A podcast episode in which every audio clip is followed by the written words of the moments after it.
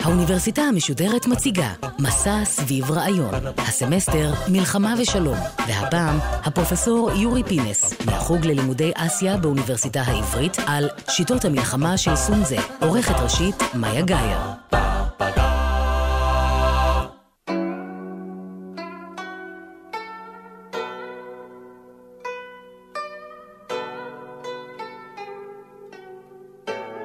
שלום לכם. שמי יורי פינס, ואני חוקר ומרצה בחוג ללימודי אסיה באוניברסיטה העברית. תחום ההתמחות העיקרי שלי הוא הגות פוליטית ותרבות פוליטית בסין המסורתית, וכן היסטוריה סינית, בפרט במאות השנים לפני הקמתה של הקיסרות הסינית ב-221 לפני הספירה. בהרצאה הקרובה, במסגרת הסדרה הזו על מלחמה ושלום, אדבר על אחד הטקסטים המכוננים בתחום תורת המלחמה, בסין ובכלל, שיטות המלחמה של סונזה. הספר מוכר גם כאומנות המלחמה או חוקי המלחמה של סונזה, ואילו בסין הוא לרוב פשוט נקרא בשם ספר הסונזה. אבקש להסביר מה הופך את הספר, אשר נכתב לפני 2,400 שנים, לרלוונטי כל כך לחשיבה הצבאית, ולא רק הצבאית, גם בימינו אנו. ספק אם יש יצירה סינית עתיקה אחרת שזכתה לפרסום כה רב מחוץ לגבולות סין, כמו שיטות המלחמה של סונזה. ספר זה, הדן בעקרונות הבסיסיים של אסטרטגיה וטקטיקה צבאית, נלמד עד היום בבתי הספר הצבאיים ברחבי העולם. הוא גם זכה להערכה נלהבת מאחדים מחשובי ההוגים הצבאיים המודרניים, כמו הבריטי לידלהארט. הספר פופולרי היום לא רק בקרב חוקרי ההגות הצבאית, אלא גם בקרב כל אלה המתעניינים בפילוסופיה ובתרבות הסינית. הוא זכה לעשרות תרגומים לשפות שונות, ובהן גם עברית, אם כי התרגומים לא נעשו מהמקור הסיני, אלא ממהדורות אנגליות, ואיכותם לרוב לא גבוהה. הספר מיוחס למצביא סון וו, או בשמו המוכר יותר, המורה סון, קרי סונזה, אשר לפי המסופר פעל בסביבות 500 לפני הספירה. קרוב לוודאי מדובר בדמות מומצאת. הסיפור הביוגרפי היחיד אודותיו מתאר איך סון וו הגיע לחצרו של מלך מדינה הדרום-המזרחית וו, וניסה להרשים את המלך בכישוריו כמצביא. כדי להמחיש את עליונות תורתו, סון וו הבטיח למלך להפוך את בנות הארמון שלו ללוחמות נועזות. הוא חילק את 180 בנות הארמון לשתי פלוגות, שבראש כל אחת מהן עמדה פילגש אהובה של המלך. לאחר שהסביר לחיילות מה עליהן לעשות בהישמע הפקודות ימינה פנה ושמאלה פנה, ציווה עליהן לפנות ימינה. החיילות צחקקו. סונבו הסביר את הפקודות שנית, ושוב נתקל בצחוק. אתה אמר, אם המצביא הוציא פקודה והחיילים לא שמעו לה פעם אחת, כנראה שהיא לא הוסברה נכון. כשהחיילים לא שמעו פעם שנייה, האשמה היא על המפקדים הזוטרים. בזאת הורה להוציא להורג את שתי מפקדות הפלוגות, קרי את פילגשיו האהובות של המלך. המלך ניסה להתערב, אך לשווא. סונבו הסביר לו שבצאתו לקרב המצביא אחראי בלבדית על צבאו, ואינו חייב לציית להוראות המלך. לאחר ששתי הבנות המסכנות הוצאו להורג לעיני כל, החיילות הטריות פעלו ללא דופי. סונבו סיכם, עתה אפשר להשליכן לאש ולמים, והן לא יהססו רגע. הסיפור מסתיים במוסר השכל. לאחר שהתאושש מהטראומה של הריגת אהובתיו, המלך הבין כי סונבו הוא אכן מצביא דגול. הסיפור של הפיכת בנות הארמון לחיילות מן הסתם מעולם לא התרחש, אך הוא ממחיש כמה מעקרונות של שיטות המלחמה של סונזה. ראשית, מצביא מוכשר יכול להפוך כל אדם, אפילו את בנות הארמון, ללוחם ממושמע. ושנית, המצביא אמור להיות עצמאי בהתנהלותו בשדה הקרב. אפילו התערבות השליט לא יכולה להביא לשינוי תוכניותיו המבצעיות. כפי שנראה, נקודה אחרונה זו תהיה לרועץ בכל הקשור להתקבלותו של הספר בדורות שאחרי חיבורו. במעבר חד מאגדות להיסטוריה, אפשר לסכם שהספר, שיטות המלחמה של סונזה, נכתב ככל הנראה במאה הרביעית לפני הספירה, בעיצומה של תקופת המדינות הלוחמות, זה 453 עד 221 לפני הספירה. כשמה כן היא, הייתה זו תקופה של פיצול פוליטי ושל מלחמות בלתי פוסקות בין המדינות שהרכיבו את המרחב הסיני. כולן התחרו ביניהן בתקווה לאחד את כל אשר מתחת לשמיים למדינת על אחת. התחרות הסתיימה עם הקמת הקיסרות הסינית בשנת 221 לפני הספירה בידי מדינת צ'ין. המאה הרביעית לפני הספירה, תקופת החיבור המשוער של ספר הסונזה הייתה עידן של תמורות מעמיקות בדפוסי הלוחמה. עד לסביבות 400 לפני הספירה בערך, הכוח הצבאי העיקרי היו מרכבות המלחמה. עוצמתה הצבאית של המדינה נמדדה אז על פי מספר המרכבות שעמדו לרשותה. מלחמת המרכבות הייתה עיסוקם הבלעדי של האצילים. אומנות הרכיבה במרכבה ולחימה על גביה שכללה כליאת חיצים ולוחמה באמצעות רומח, חייבו מיומנות רבה, ומיומנות זו הייתה סממן העיקר של בני האצולה. המלחמות בעידן האריסטוקרטי התנהלו לרוב לפי כללים ברורים. ראשית, מאחר שהקרב יכול היה להיערך אך ורק בשדה פתוח, הוא חייב תיאום בין הצדדים. שנית, חלו עליו כללים של שוויון וכבוד הדדי, המזכירים את הקרבות בין האבירים האירופיים בימי הביניים. לא נהוג היה להתקיף את האויב בטרם ערך את שורותיו, וגם לא לפגוע באויב שנקלע למצוקה, למשל עקב התהפכות המרכבה. מן הסתם לא כולם פעלו לפי הכללים הללו, אך נראה שרוב הצבאות השתדלו שלא לחרוג מהם באופן מופרז. הקרב עצמו היה בראש ובראשונה מפגן אומץ. הוא הוכרע בהסתערות של מאות, ולעיתים אף אלפי מרכבות אלה מול אלה, עד אשר מוגי לב יפנו את העורף ולפיכך יובסו. תפקידו העיקרי של המצביא היה אם כך מתן דוגמה אישית, קרי, להיות נכון להסתער אל מול האויב בראש מרכבותיו. הצבאות מנו כמה אלפים עד רבבות בודדות של לוחמים, ומספר ההרוגים בקרבות היה נמוך יחסית, לכל היותר אלפים בודדים במערכות החשובות. מצב עניינים זה של מלחמות אריסטוקרטיות השתנה ללא היכר בדור או שניים שקדמו לחיבור ספר הסונזה.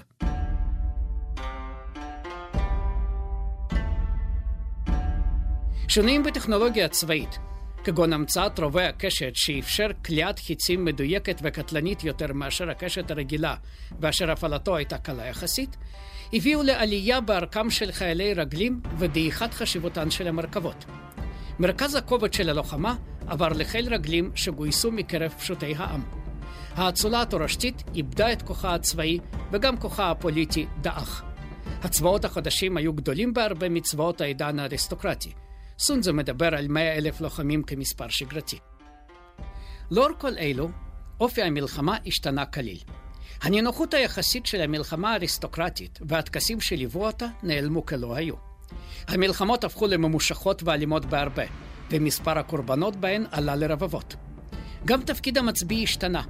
במקום אומץ אישי בשדה הקרב נדרש מעתה כושר אסטרטגי, שליטה בקווי אספקה, בקשר בין היחידות, יכולת ההפעלה של החיילים שרבים מהם כלל לא ששו אל הקרב, ועוד.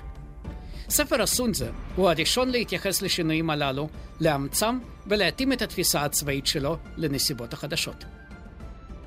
ספר הסונזה נפתח בהכרזה. המלחמה היא העיסוק הגדול של המדינה, אדמת החיים והמוות, דרך הקיום והאבדון. אי אפשר שלא לחקרה. פרק אחד.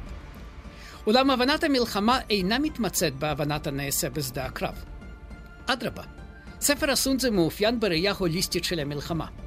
המפגש בשדה הקרב אינו הדבר החשוב ביותר, וגם לא ניהול המערכה הצבאית כשלעצמה.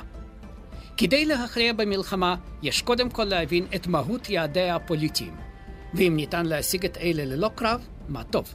ספר הסונזה קובע. לפי חוקי המלחמה, מוטב לשמור על מדינת האויב בשלמותה, פחות טוב להביסה. מוטב לשמור על צבא האויב בשלמותו, פחות טוב להביסו. מוטב לשמור על חטיבת האויב בשלמותה, פחות טוב להביסה. לפיכך, לנצח מאה פעמים במאה קרבות, אין זה הטוב שבטוב. לא להילחם, אך לכופף את לוחמי האויב. זה הטוב שבטוב. על כן, המיטיב להילחם גודע את תוכניות האויב. הנחות ממנו גודע בריתות האויב. הנחות ממנו גודע צבא. והגרוע מכל, תוקף מבצרים. פרק 3 יש להדגיש, חסון זה לא מתנגד למלחמה משיקולים פציפיסטיים, כי משיקול רציונלי של עלות מול תועלת. המלחמה היא דבר יקר מאוד, הן בחיי אדם והן מבחינת המשאבים. הספר מזהיר, הכוחות אוזלים בעבודת השדה, הבית מתרוקן מבפנים, הוצאת מאה המשפחות, כלל העם, מגיעות לכ-60% מרכושן, פרק 2. כדי להפעיל צבא בין 100 אלף לוחמים נדרשת עבודה של 700 אלף משקים, קרי כשלושה וחצי מיליון בני אדם, פרק 13. על כן מוטב להימנע ממלחמה ולהשיג את מבוקשך באמצעות תחכום פוליטי, בין אם דרך חבלה בתוכניות מבצעיות של האויב, בין אם דרך ערעור בריתותיו, ובין אם דרך שיקוף עוצמה כזו שתרתיע את האויב בלא קרב. אל לו למצביא לרדוף אחרי הכבוד של מנצחים בשדה הקרב. מוטב להכריע את האויב בלא עימות. לאור הדרישה לנסות ולהימנע מעימות במידת האפשר, הספר חוזר ומדגיש ששאלת היציאה לקרב צריכה להישקל בכובד ראש. אחת הטעויות החמורות של השליט או המצביא היא הליכה למלחמה בשל ציווי רגשי. למשל, שאיפות הנקם, השנאה כלפי האויב, הזעם על פעולותיו, כל אלה לרועץ בפני מי שרוצה להצליח במלחמה. הספר מזהיר. אסור שהשליט יגייס צבא בשל זעם. אסור שהמצביא יצא לקרב בשל טינה. אם מועיל הדבר, פעל. אם לא, חדל. זעם יכול לשוב ולהפוך לשמחה. טינה יכולה לשוב ולהפוך לעונג. אולם מדינה שנכחדה לא תוכל לחזור להתקיים. המתים לא יכולים לשוב לחיים. לכן השליט הנאור נזהר בכך. המצביא הטוב נזהר בכך. זו הדרך של אבטחת המדינה והשארת הצבא בשלמותו. פרק 13 סונזר רואה את המלחמה כדבר תבוני. היא כפופה לשיקולי רווח והפסד ולשיקולי עוצמה או חולשה. אי לכך, לרגשות יש תפקיד שלילי ביותר, בין אם מדובר בהחלטה האם לפתוח במלחמה, ובין אם מדובר בהתנהלות במהלך המערכה. המצביע האידיאלי של סונזה דומה לשחקן שח. הוא ממוקד במטרה, צופה בהתנהלות היריב ומנסה להבינה, ובשום פנים ואופן לא פועל מתוך אימפולסיביות.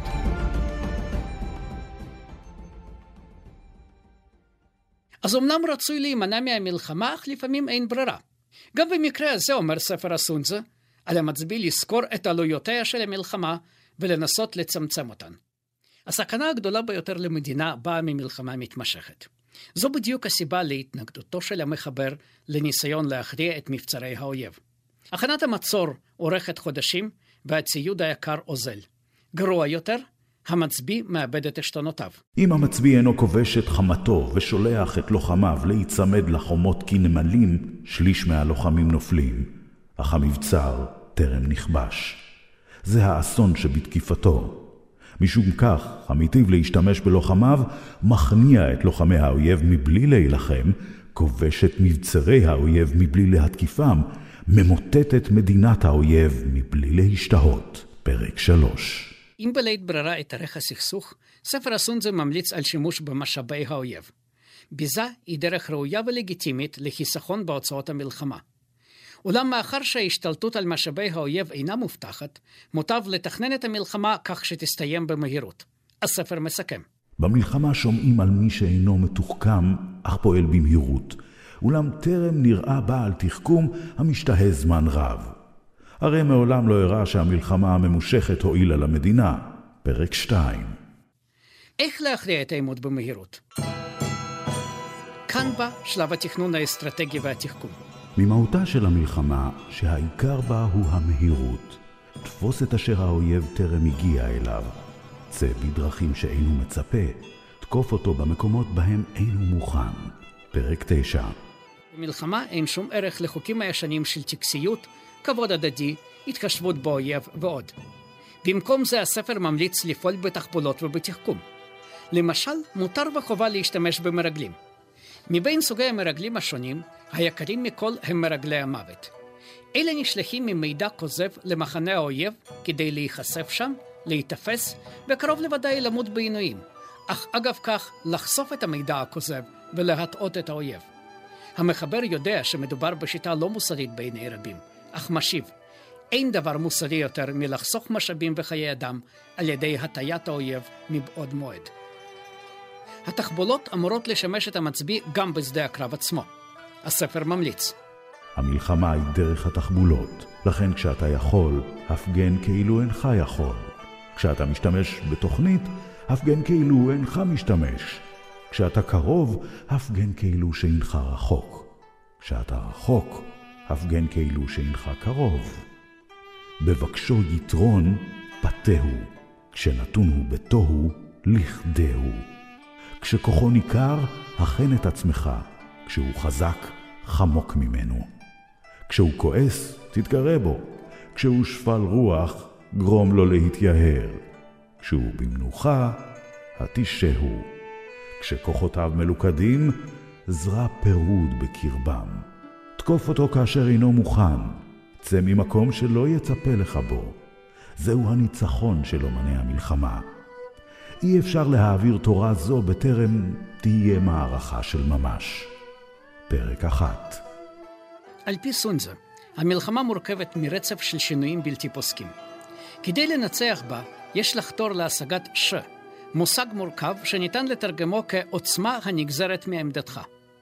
על המצביא לחפש עמדה נוחה, בין אם במעלה ההר, בין אם בצד המוצל, בין אם במקום בו נוח להסתיר כוחות רבים מבלי לעורר את חשד האויב וכדומה. לא מדובר בעוצמה קבועה שניתן לזהותה מראש. כל תנועת האויב משנה את יחסי הכוחות עמו ומחייבת בחירת עמדה אחרת. ספר הסונזה מדגיש, לא ניתן לחזור על התחבולה באמצעותה ניצחת בקרב. יש להגיב לאין ספור שינויים. פרק 6. בין מצביעי הצדדים מתנהל קרב מוחות. התזוזה של צבא אחד מחייבת תזוזה מיידית של צבא אחר, בתקווה לשמור על העוצמה העמדתית. המצביע הנבון חייב להגיע לעמדה שתחייב את האויב לפעול באורך מסוים, כך שניתן יהיה לחזות את מהלכיו ולהפתיעו. היעד החשוב הוא להגיע ליתרון מספרי בנקודה בה תתפתח המערכה. לכן, לפי שיטות המלחמה, כשיש לך יתרון פי עשרה, כתר את כוחות האויב. פי חמישה, התקף אותם. יתרון כפול, הילחם בהם. כשכוחותיכם שווים, פלג אותם. כשאתה בנחיתות, התחמק. כשאינך משתווה לו, הימלט. משום כך, יריב חלש, המתעקש להחזיק מעמד, יישווה על ידי יריב חזק. פרק 3 כפי שכבר ציינתי, לדידו של סונזה לרגשות אין מקום בזירת הקרב. באופן דומה, המלחמה אינה עניין של כבוד, ולמות מות גיבורים אינו מן העניין בה. העיקר בה הוא הניצחון, אשר כאמור הוא דבר פוליטי. להתעקש על לחימה כאשר עמדתך נחותה וכוחותיך דלים, זהו דבר בלתי אחראי. מוטב לחמוק משדה הקרב ולהתכונן לקרב אחר בנסיבות הנוחות לך. אחת הבעיות הקשות שעימן התמודדו מצביעים סינים בימי המדינות הלוחמות, הייתה סוגיית המוטיבציה של החיילים. האיכר הסיני היה אדם תבוני. לא הייתה לו שום סיבה להילחם ולהקריב את עצמו לטובת שליט זה או אחר. אחרי ככלות הכל, גם אם המדינה של האיכר הייתה מחוסלת ונכבשת בידי האויב, ההבדל היחיד מבחינתו היה בתשלום המיסים לפקיד א' במקום פקיד ב'. הוגים צבאיים שונים הציעו שורה של פתרונות למצב זה. החל בבניית מערכת שכר ועונש, שתתגמל באופן ראוי חיילים מצטיינים ותעניש בחומרה יתירה את העריקים, וכלה בקידום ממשל אידיאלי בו השליט יהיה כה אהוב עד שהעם ירצו להילחם למענו כאילו היה אביהם. סונזה בוחר להתמודד עם בעיית המוטיבציה של הלוחמים בדרך פשוטה ויעילה יותר. הספר טוען כי יש להביאם אל אדמת המוות, שבה הלוחם בחירוף נפש נשאר בחיים, וזה שאינו לוחם בחירוף נפש אבוד. פרק 11. כך לא יהיה לחיילים מנוס כי אם להפגין גבורה עילאית במטרה להישאר בחיים. הספר מסכם במצב של סכנה עילאית, החיילים מאבדים פחד. כשאין להם מוצא, הם איתנים. בלית ברירה, הם נלחמים. פרק 11. כמו רובם המוחלט של הוגי המדינות הלוחמות, מחבר שיטות המלחמה של סונזה לא מאמין באינדוקטרינציה של החיילים. מבחינתו אין טעם לשטוף להם את המוח בסיפורים על אהבת המולדת ובתיאורי האויב כמפלצתי ורצחני במיוחד. החיילים הם לעולם אנשים אנוכיים שאינם ששים להקריב את עצמם. הספר מציין, ביום הוצאת הפקודה, הדמעות זולגות על צווארון החיילים ביושבם. הדמעות נמרחות על לחיי החיילים בשוכבם. אולם כמו בסיפור על בנות ההרמון בו פתחנו, המחבר מציע דרכים להפוך גם אנשים אנוכיים ומוגי לב ללוחמים טובים. כל אשר צריך זה להביאם למצב של לית ברירה. כשמשליכים אותם למקום ללא מוצא, תעוזתם של חיילים שבחו ביום הוצאת הפקודה משתווה לזו של המתנגשים המפורסמים ג'ואן שג'ו וצאו גוי, פרק 11. ספר הסונזה אינו מאמין בטיפוח רוח קרב של חייל בודד. אדרבה, מוטב שלא לשתף את החיילים בשיקוליו של המצביא ובתוכניותיו. הספר ממליץ. בפועלו, המצביא רגוע ונסתר, מיושב ומסודר. הוא מסוגל לאחז את עיניהם ואוזניהם של חייליו ולגרום להם לא להבין את פועלו. הוא מוביל את צבאו כאילו גרם לחייליו לטפס לגובה, ואז הסיר את המדרגות. הוא מובילם עמוק אל שטחי האויב, ואז מסיר את הנצרה, כאילו מוביל עדר כבשים. מובילם, והם עוברים. מובילם, והם שבים, ואין הם יודעים מדוע זה כך. ללכד את המוני שלושת הגייסות ולהשליכם אל הסכנה, זו משימתו של המצביא. פרק 11 התפיסה של החיילים כעדר כבשים בוודאי אינה מחמיאה ללוחמים, אבל היא משקפת עמדה נחרצת של המחבר. המלחמה היא קרב מוחות בין המצביעים, כאשר החיילים הם פיונים בלבד. כל אשר נדרש מהם, כמו מבנות הארמון בסיפור לעיל, הוא משמעת קפדנית וביצוע הוראות המצביא.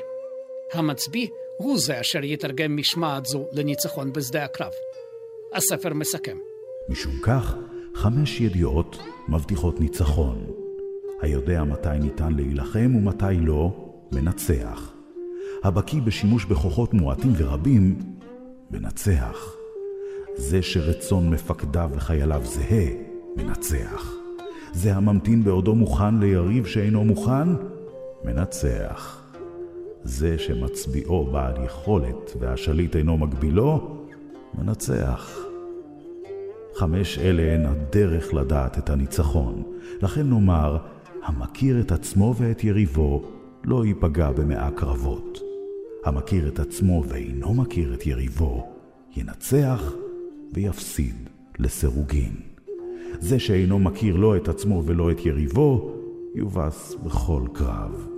פרק 3 מבין חמשת התנאים שהבטיחו ניצחון בשדה הקרב, בולט התנאי, זה שמצביעו בעל יכולת והשליט אינו מגבילו, מנצח. בתפיסת הסונזה נודעת למצביא חשיבות עליונה. הוא חייב להבין את הפסיכולוגיה של חייליו, להתמצא בטופוגרפיה ובאקלים, להכיר את המציאות הדיפלומטית ולנהל משא ומתן כשיש צורך. אבל החשוב מכל, הוא אמור להיות גורם אוטונומי בשטח, ואל לו לשליט להתערב בענייני הצבא. וכך הספר מסביר. המצביא הוא עמוד התווך של המדינה. כשעמוד התווך שלם, המדינה בוודאי חזקה. כשעמוד התווך נסדק, המדינה בוודאי חלשה. על כן, שלושה הם הדברים בהם השליט מערער את צבאו. כשהוא אינו יודע כי הצבא אינו מסוגל להתקדם, אך מורה להתקדם, או כאשר אינו יודע כי הצבא אינו מסוגל לסגת, אך מורה לסגת. זה מה שנקרא לכבול את הצבא, כשהשליט אינו מודע למצבם של שלושת הגייסות, אך מתערב בענייני הפיקוד. זה גורם ללוחמיו לפקפק. כשהוא אינו מודע לנסיבות בהן נמצאים גייסותיו, אך מתערב במינויים בהם, הוא גורם ללוחמיו להטיל בו ספק. פרק 3 הרעיון שהפיקוד העליון לא צריך להיות כפוף יתר על המידע לזרוע הפוליטית, בוודאי מצא חן בעיני לא מעט אנשי צבא בעולם הסיני העתיק, כמו גם בעולם המודרני. אולם גישה זו, שהייתה אכן מעוגנת בהיגיון צבאי צרוף, הייתה אחת הסיבות ליחס צונן אל ספר הסונזה בקיסרות הסינית. שליטי סין הקיסרית ראו בעין צרה מצב עניינים זה, בו קציניהם נהנו מחופש פעולה מופרז. בקיסרות המאוחרת, קרי באלף שני לספירה, אף נעשו ניסיונות להגביל את התפוצה של ספר הסונזה, משום שספר זה בידיים לא נכונות עלול היה, לדעת פקידי הקיסר, לסכן את שלום המדינה. יחד עם זאת, לספר הייתה עדנה בקרב האינטלקטואלים, שראו בו מקור בלתי נדלה לא רק של חוכמה צבאית, אלא של חוכמת חיים.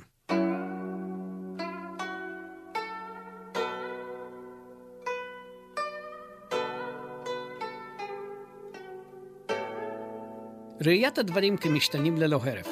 הצורך להתמקם בעמדה שתקנה לך עוצמה מראש. הצורך להבין את היריב ולפעול בהתאם לפועלו הוא, את כל ההמלצות הללו ניתן היה לתרגם לחיים הפוליטיים, למסחר ואפילו ליחסים בינו לבינה. אכן, יש סופרים שהשתמשו בקטעים מהסונזה לתיאור חיי מין סוערים. במאה ה-20 זכה ספר שיטות המלחמה של סונזה לעדנה. הספר השפיע רבות על מחשבתו הצבאית של מאו צזדונג, אשר ידע להיעזר בו במהלך מלחמת האזרחים העקובה מדם עם המפלגה השולטת, מפלגת האומה של צ'אן קיישק. המלחמה שנמשכה בין 1927 ל-1936, ושוב בין 1946 ל-49.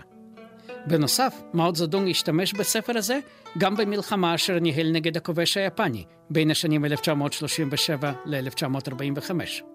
מנגד, הספר שימש את בכירי הצבא היפני הקיסרי במהלך מלחמת העולם השנייה, כולל בתכנון פעילותם לכיבוש סין. הצלחת הצבא היפני עוררה עניין בספר הסונזה גם בעולם המערבי. בין ההוגים הצבאיים בעולם המערבי בולט כאמור לידלהארט כמעריץ גדול במיוחד של סונזה, אותו העמיד בפסגת ההוגים הצבאיים בתולדות האנושות. גם בסין של היום הספר הוא פופולרי למדי, לא רק בקרב אנשי צבא, אלא בקרב קהל רחב בהרבה. גם החוקרים ממשיכים לדון בפרטי הגותו של סונזה. תגליות ארכיאולוגיות משנות ה-70 של המאה ה-20 חשפו מהדורות מוקדמות של שיטות המלחמה של סונזה וספרים אחרים הדנים בשיטות המלחמה. על כן, המחקר בתחום זה בסין ומחוצה לה ממשיך לשגשג. הספר הקצר, אך עתיר הרעיונות, ממשיך להלהיב חוקרים ואדיוטות כאחד, בסין ומחוצה לה.